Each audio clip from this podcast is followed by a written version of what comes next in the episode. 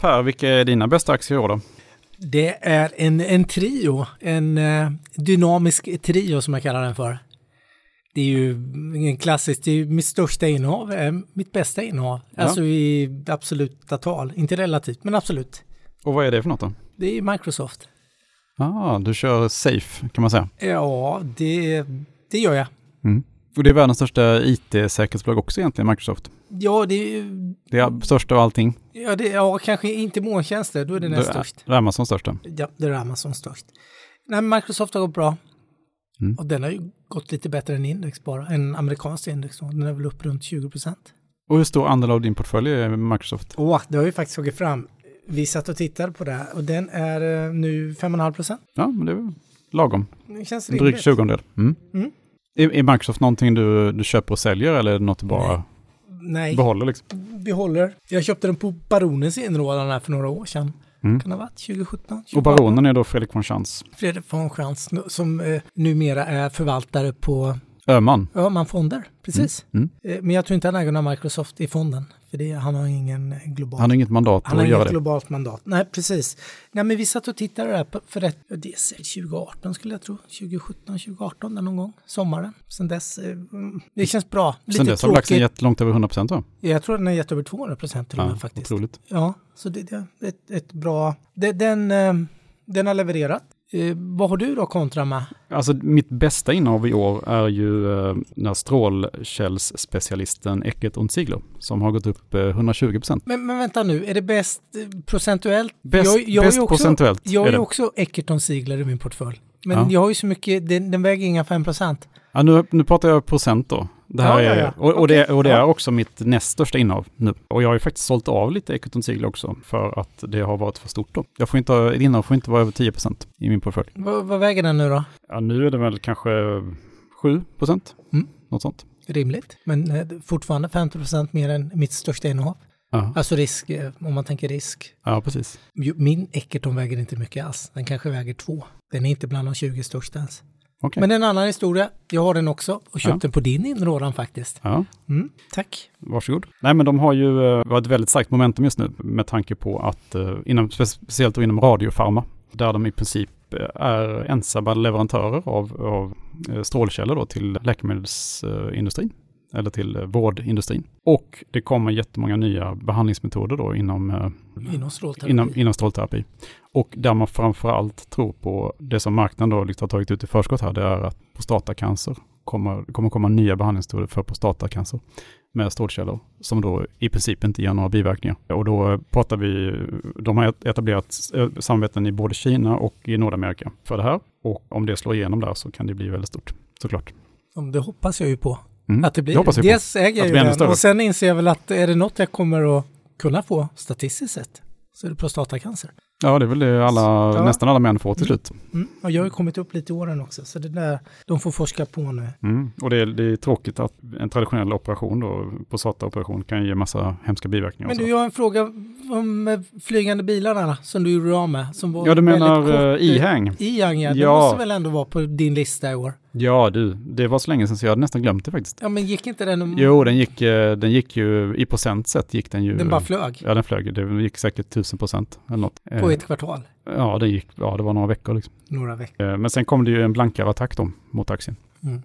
Så att jag hoppade ur den väldigt snabbt. Men jag tror att vinsten var, kan nog ha varit runt tusen procent ja. Fantastiskt, jag får säga Eh, grattis. Så att i procent var är kanske det bäst. Nu pratar jag om de aktierna som jag har kvar då. Mm. Eh, Som, som, Ja, nej, jag Mm. ville bara... Ja. Jag, det, var, det, var ett väldigt, det var ett väldigt litet inne- innehav då, från början i alla fall. Vilket är ditt näst bästa då? Om du, Ja, det, Gå vidare. det är Lifco, svenska konglomeratet? konglomeratet Carl Bennet. och Carl Bennet och får man säga superförvärvaren.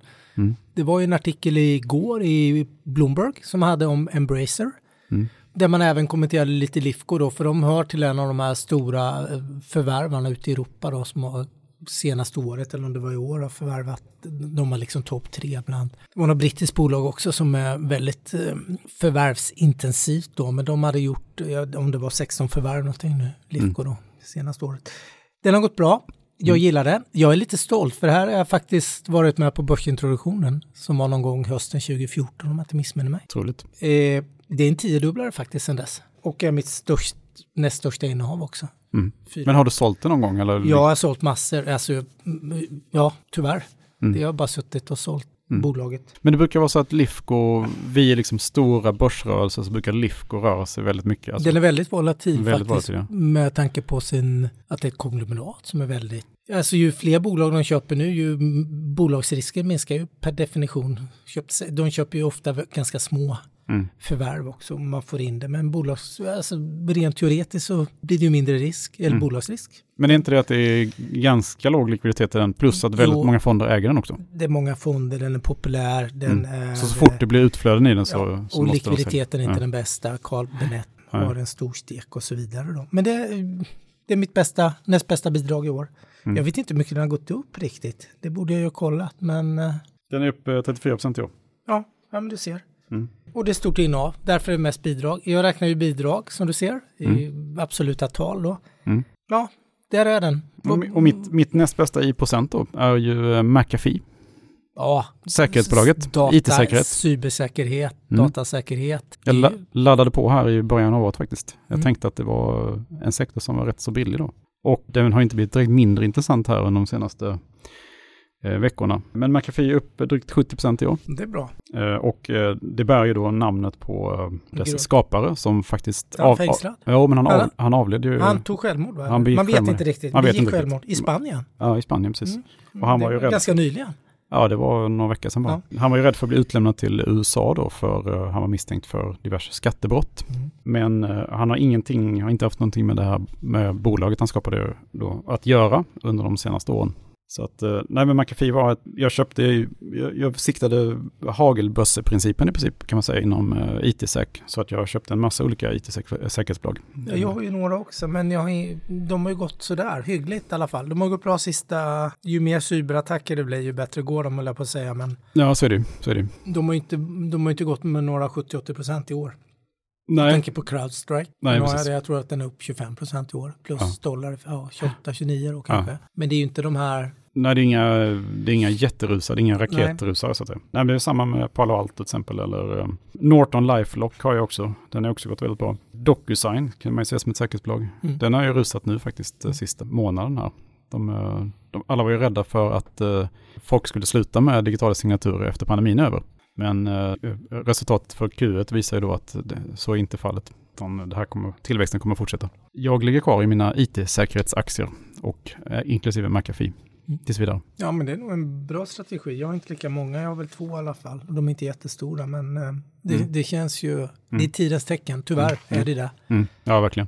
Nej, men det är väl lite så att digitaliseringen, vi, vi pratade ju med ServiceNows Sverigechef och han pratade att nu har liksom digitaliseringsfrågorna har gått upp på vd och ordförande, styrelsenivå. Liksom. Och nästa steg det blir ju att de måste tänka på IT-säkerheten också. Ja, men det tror jag. Och särskilt när man har läst om Coop nu då. De Ja, hur mycket det kostar. Hur mycket det kostar och eh, De kommer vara beredda att lägga hur mycket som helst på IT-säkerhet för att det här aldrig ska kunna hända igen. ja, tillväxt. Yes. Men är det, hur stort är innehavet nu då? Hör det till de större innehaven? McAfee? Ja, nej, det är egentligen inte så stort. Det, är, det kanske är en eh, 2-3 procent max. Men vilket är ditt tredje bästa då? Jo. Det är faktiskt Latour. Alla tog. Och Latour har gått Var bra. klassiker. Ja, men Latour är ju också en sån där som jag har haft ganska länge. Den köpte jag ungefär kanske något år innan jag köpte Lifco. Den har nog varit här i 7-8 år nu. Mm. Jag älskar ju bolaget. Och 290 spänn är de i. Herregud. De är upp 45 procent i år. Du är inte rädd för att de eh, handlas till eh, premier? då? Ja, men det har de ju gjort hela tiden jag har ägt det tror jag. Okej. Jag har träffat gamla vdn Janne Svensson. Fantastiskt duktig. Nu har ju han slutat. Nu är väl han ordförande i bolaget. Bra succession. Han så ett fantastiskt bolag. De har hela den här modellen med eh, investerings... Eh, investment managers heter det väl på engelska. Det där. Mm. Då, då var de nio och de har varit nio jättelänge och de ska skaka fram ett case per år. Och Mm. Man har liksom inte vuxit och expanderat utan man eh, blir vid sin läst väldigt mycket. Vilket jag gillar. Det är bra. Vad har? En, två, tre, fyra, fem. Det är femte största innehavet på 3 portfölj. Eh, Köper inte heller särskilt mycket. Har vi mest sålt genom åren. För att det inte ska bli för stort. Men gillar det väldigt mycket. Jag är glad att de där bidrar igen. Lifco Latour. Jag har Nibe precis under här som också är ett av mina gamla kärninnehav. Som är lite, lite större. Det hamnar mellan Lifco och Latour i storlek då. Mm. Men det är bra. ett bra investmentbolag som jag uppskattar mycket. Också lite halvtaskig likviditet, men nu har ju familjen Douglas eh, sålt av här. De gjorde, sålde av här i under slut, slutet på förra året, delar av sitt innehav och sådär. Hitta köpare. Så det blir lite bättre likviditet eh, konstant då, som mm. äger så mycket. Men det är välskött, det är mm. bra. Jag gillar det. Mm. Och själv då, vad har du på? Ja, alltså jag köpte Facebook eh, vid någon dipp här precis i början av året eh, och min tanke bakom det var att eh, reklammarknaden kommer att ta rejält fart när pandemin lättar. Och det verkar precis vara det som har hänt också. Så att den, jag ligger plus 40 procent fast jag köpte den i, ja, det var ganska tidigt på året. Jag såg att det blev en triljoner dollars bolag. Just det. I veckan här. Ja, just det. Eller igår mm. kanske, rent utav, eller förra veckan, någonting. Men ja. ny, nyligen i alla fall gick över den magiska gränsen. Precis, och eh, det är... Eh, du, kan, du kan inte undvika Facebook om du är marknadsförare. Och särskilt inte om du är på mindre bolag. Du måste... Någon av Facebooks plattformar måste du lägga reklampengar på. Jag tänker att det där, är, det där kommer fortsätta att rulla på. Och särskilt nu då när eh, pandemin lättar och du kan börja sälja till exempel resor igen, tjänster överhuvudtaget kommer man att eh, annonsera på Facebook. Jag blir köpsugen när jag hör det här. Nu vet jag att du har ägt den här tidigare.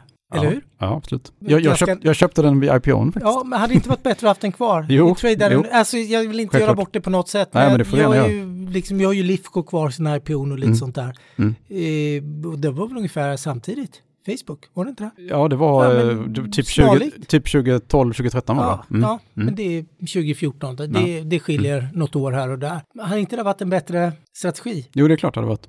Men då, så, så tänkte inte jag på den tiden. Nej, jag bara, mm. oj, nu mm. sitter jag här och blir exalterad. Mm. Jag, det är en lärdom. Ja, det är en lärdom. Det hade det gett, lärdom. det var gett tio gånger pengarna om man hade behållit aktierna. Minst. Jag tror ganska exakt om från IPO-priset. Alltså. Men då har det gått som Lifco då. Ja. Mm. Så att det, det hade varit har gått som ett, ett, eh, riktigt amerikanskt supertechbolag. Det är ja. faktiskt, eh, det är lite intressant. Ja, det är det. Det bara slår mig. Ja, men ha. jag har ju inte bara ros i min portfölj i år. Nej, man har jag inte bara upp, vinnare. Jag är inte upp sådär jättemycket. Alltså, jag är inte upp som Stockholmsbörsen ens. Nej, men det, det är jag. jag är, ja, du är med råge vet jag. Över det. Men jag, jag kör ju med lite belåning också. Mm, det är, jag är smålänning. Vad, är, vad är det som har gått sämst då? Alltså jag har ju massor med doggar. Jag har... Eh, är det Abcerella eller? Abcelera. Precis. Abcelera? Abcelera, ja. Mm. Ju mer jag läser om det, ju mer vill jag äga det. Jag satt och tittade på mina trades. Jag har väl varit inne sex gånger i år och köpt. Och mm. köper billigare för varje gång. Mm. Det är väl Smålands, en Smålandstrade då? En, en riktig Smålandstrade. Jag såg att det var ner 49 procent i portföljen. Och det är mitt tredje största liksom, tapp i år pengamässigt. Pengarna bara... Pengarna bara forsar ut. De forsar ut tyvärr. Men jag är kvar. Så det är ett av mina riktiga mm, doggar. Jag tror att det kan bli jättebra. Väldigt bra tror jag till och med. Jag tror att det där kan vara en tiodubblare om fem år. Eller sex, fem, sex år. Alltså inom rimlig tid. Vi pratar Facebook, LIF, LIFCO avkastning, tror jag. Vi mm. får se. Mm. Jag är kvar. Jag kom, det är kanske är dags att köpa lite till så jag. Det har mm. gått ner lite sen senast. Får se hur uthållig jag är. Men jag brukar vara ganska uthållig. Jag gillar racet väldigt mycket. Mm. Vad har du då för något? Ja, alltså det är ju Tencent Music är min sämsta. Det är ju alltså kinesiska Spotify då kan man säga. Och det har ju drabbats av den här techfrossan då. Kinesiska techfrossan? Den kinesiska techfrossan. Som regeringen ligger bakom, eller eh, myndigheterna? Ja, kinesiska den stora nedklampningen då på techsektorn. Där man försöker uh, gå in och styra med hårda handskarna kan man säga. Ja, det kan man ju och, säga. Och det är väl ingen som, just, det finns väl ingen tillgångslag som är mer hatat just nu möjligen energibolag då. Nej, men jag läste, än vad kinesiskt Nej, men det är precis. Jag läste igår så det var lite kommentarer på Bloomberg och CNBC där de har intervjuat lite förvaltare som tillväxtorienterade som har en hel del mm. kinesisk tech som är noterad i USA efter blodbadet igår och som formligen hatade tillgångslaget och skulle aldrig mer handla kinesisk tech som är noterat i USA. Vi får se längre Du vet vad Rothschild eh, sa eller? Ja, du får friska upp mitt minne. Man ska köpa till ljudet av kanoner, sälja till ljudet av trumpeter. Mm. Då är det köptillfälle. Ett annat citat av, som då tillskrivs Rothschild är att man ska köpa när blodet flyter på gatorna. Mm. Ja, det kanske det gör snart. Vi får väl se. Ja. Eh, nej, men det, det blir bara billigare och billigare. Jag mm. sprang ut all den här i början på året. Lite tur och otur, för de är inte med på förlorarlistan nu, men även Alibaba och Prosus då som har sin Tencent-koppling. Mm. Vad, vad är det med. Prosus egentligen? Varför har den, den backat så mycket då? Är det Kina-kopplingen till Jag Tencent? tror att det är Kina-kopplingen helt klart. Det är väl Mm. hela Mm. värdet. Det är huvudsaken. Mm. Ja, skulle jag vilja säga. Vi ska titta mer på det. Mm. Det kan ju, som du säger, vara köpläge snart. För vi tyckte, ju, vi tyckte ju ändå att vi hade ju med den på mest köpade aktier och sådär, men Ja. det, den har ju verkligen inte gått så som vi ville.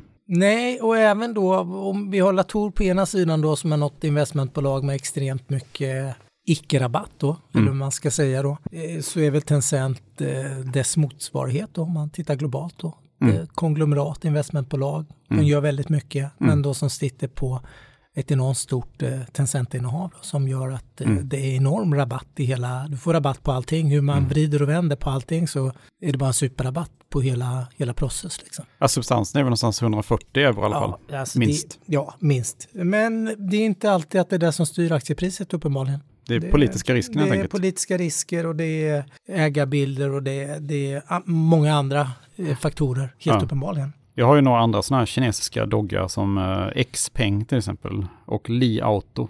Som jag faktiskt hoppat av också. Har du hoppat av där? Ja. Mhm. Nu har de ju sig vänt igen då upp lite grann. Mm. Eh, Så att jag, det är alltid så att man säljer ju när det är som sämst för, ens- för ens egen del. Så du har hittat vinnarna, de är i USA och förlorarna är Ja, det är inte fullt så enkelt. Jag har ju, Nej. jag har ju faktiskt... Tyskland menar jag. Östtyskland närmare bestämt. Alltså jag tänker på Eckerton. Ja, Berlin. Ja, Ja. just det. Mm, ja, det är Östtyskland. American Well har ju gått jättedåligt också. Det är ju det här eh, telehälsobolaget då, som eh, verkligen har hamrats ner. Och Compass har ju fortsatt att handla hela tiden, men eh, den fortsätter ju ner också. Det är ditt Abcelera. Det är mitt absolut. Mm. Bioday 6 också då- dåligt. Alla som är i princip sådär, alltså alla som har IPOats ganska nyligen och IPOats på ett högt pris, de hamras faktiskt ner. Alltså särskilt IPOs runt, menar, mellan februari och april. Och jag tror att det var väldigt höga priser. Det var det ju. När Mm. var man det pratar med förvaltare säger att de tackade nej till rätt mycket nu för att det var så, Mm. det var så extremt uppskruvade priser. Och det är, väl det här kanske, sen har det hamnat med den här räntefrossan och inflationsfrossan som var som starkast där kanske i mars och Mm. Jo, någon gång precis. till april. Innan. Men nu är ju tioårsräntan uh, rasar ju liksom. Så att eh, nu ska väl det upp igen då liksom. Affirm är en sån annan aktie som jag tappade rätt mycket i. Är du kvar? Jag är kvar. Det är faktiskt, eh, jag tror nästan att det är mitt största innehav just nu. Oj. För jag har ju köpt på mig hela tiden. Mm. Så att jag, men, men jag tappade rätt mycket i början. Ja, i den. Vi får se. Den är ju, ska ju visa väldigt bra tillväxt framöver. Samarbete med Shopify. Och Shopify äger ju också 10% av bolaget. Plus att de då har kunskapen. Det är ju gammal, gamla Paypal-människor. Eh, Och det går ju extremt bra för deras konkurrent i USA, Klarna. För det här Buy Now Pay Later-marknaden kommer ju att... Men det måste väl finns inget som tyder på att det kommer att minska. värderingen på Klarna också nu när... Ja, fast det hade det ju faktiskt inte gjort. Nej. De eh, tog in pengar, det var väl eh, Softbank gick in. Eh, är och klart. de verkar ju ha köpt på någon form av toppnotering. Liksom. Mm, det där är varningstecken tycker jag. Ja, det När brukar ju vara det. Softbank eh, Jag så- kliver in på slutet och Ja. Vi får väl se om det där blir ett bra slut. ja, vi hoppas det. Affirm är ju i alla fall en ganska stor, eller en väldigt stor tillgång hos mig just nu. Får vi se om, det, om jag vågar ligga kvar så stort framöver. Men eh, vad har du med några, några mer förlorare? Ja, jag har ju lite mer inom den här bioteknik, onkopeptides, Mm. eh, som jag faktiskt har klivit av under året. Helt och hållet? Ja, Mm. det är ju en jättestor förlorare i år. Mm. Mm. Det är den största jag har. Men Mm. å andra sidan har det varit den bästa bidragsgivaren under, under några år. 2015 tror jag, 20, eller 2016, 2017 och de här när det kom. De första åren där var det ju mm, väldigt bra. Så det, man, man får ju se det. Jag var ju med på börsintroduktionen där också. Så det, och det, sen har jag ett eh, Inad EG7, Just det. litet mini-embracer, Spelbolag. spelbolag.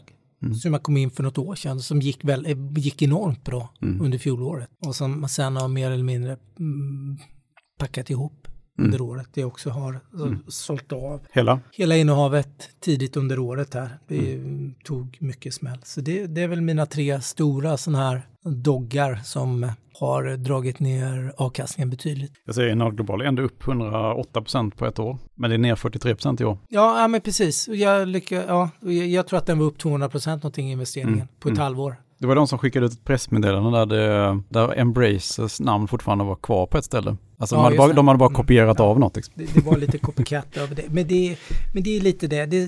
Det är årets stora förlorare. Men å andra sidan var det nog bästa, en av de bästa bidragsgivarna under fjolåret till avkastningen i portföljen. Så det går Mm. ju snabbt lite och ändå har väl det här äventyret slutat med en dubbling fast det blir en förlust i år. Liksom. Det är Ja, ja. så det blir med olika mätperioder hit och dit. Då. Du, har du någon aktie som du tänker sådär att den här borde liksom vara bra nu framöver, men har fortfarande inte tagit fart i din portfölj? Förutom Abser eller? Abs- Amazon har jag ju exempelvis, det är ju ett av mina stora innehav. Den verkar ha börjat röra på sig. Nu har den börjat röra på, ja, Ja. igår liksom. Men eh, jag har inte tittat så mycket på den sista veckorna. Men, eh, för jag pratade med en gammal kollega igår och pratade just om honom och sa att nej, men det är mitt tredje största innehav. Den har varit flat i år och den har Mm. dragit ner Mm. performancen eller liksom avkastningen på portföljen. Ja, men då gick han in och, under samtalet och tittade snabbt och sa att det där är fel, den är upp nästan 10 procent. Var den innan öppning igår Jo, faktiskt. Så den eh, kanske är men den en... laggar ju ändå index. Den laggar ju index betydligt. Har gjort det över perioder. Jag är inte särskilt orolig. Jag har haft den i flera år och den har haft sådana här halvår och nio månader. Den har bara gått totalt tok sidledes. Och det har det varit i nu sedan i augusti redan. Den gick ju våldsamt därifrån eh, bot, eller liksom Pandemibotten, ja. pandemibotten i slutet Mm. på mars till någon gång mitten på augusti. Och sen har den bara stått och stampat i princip.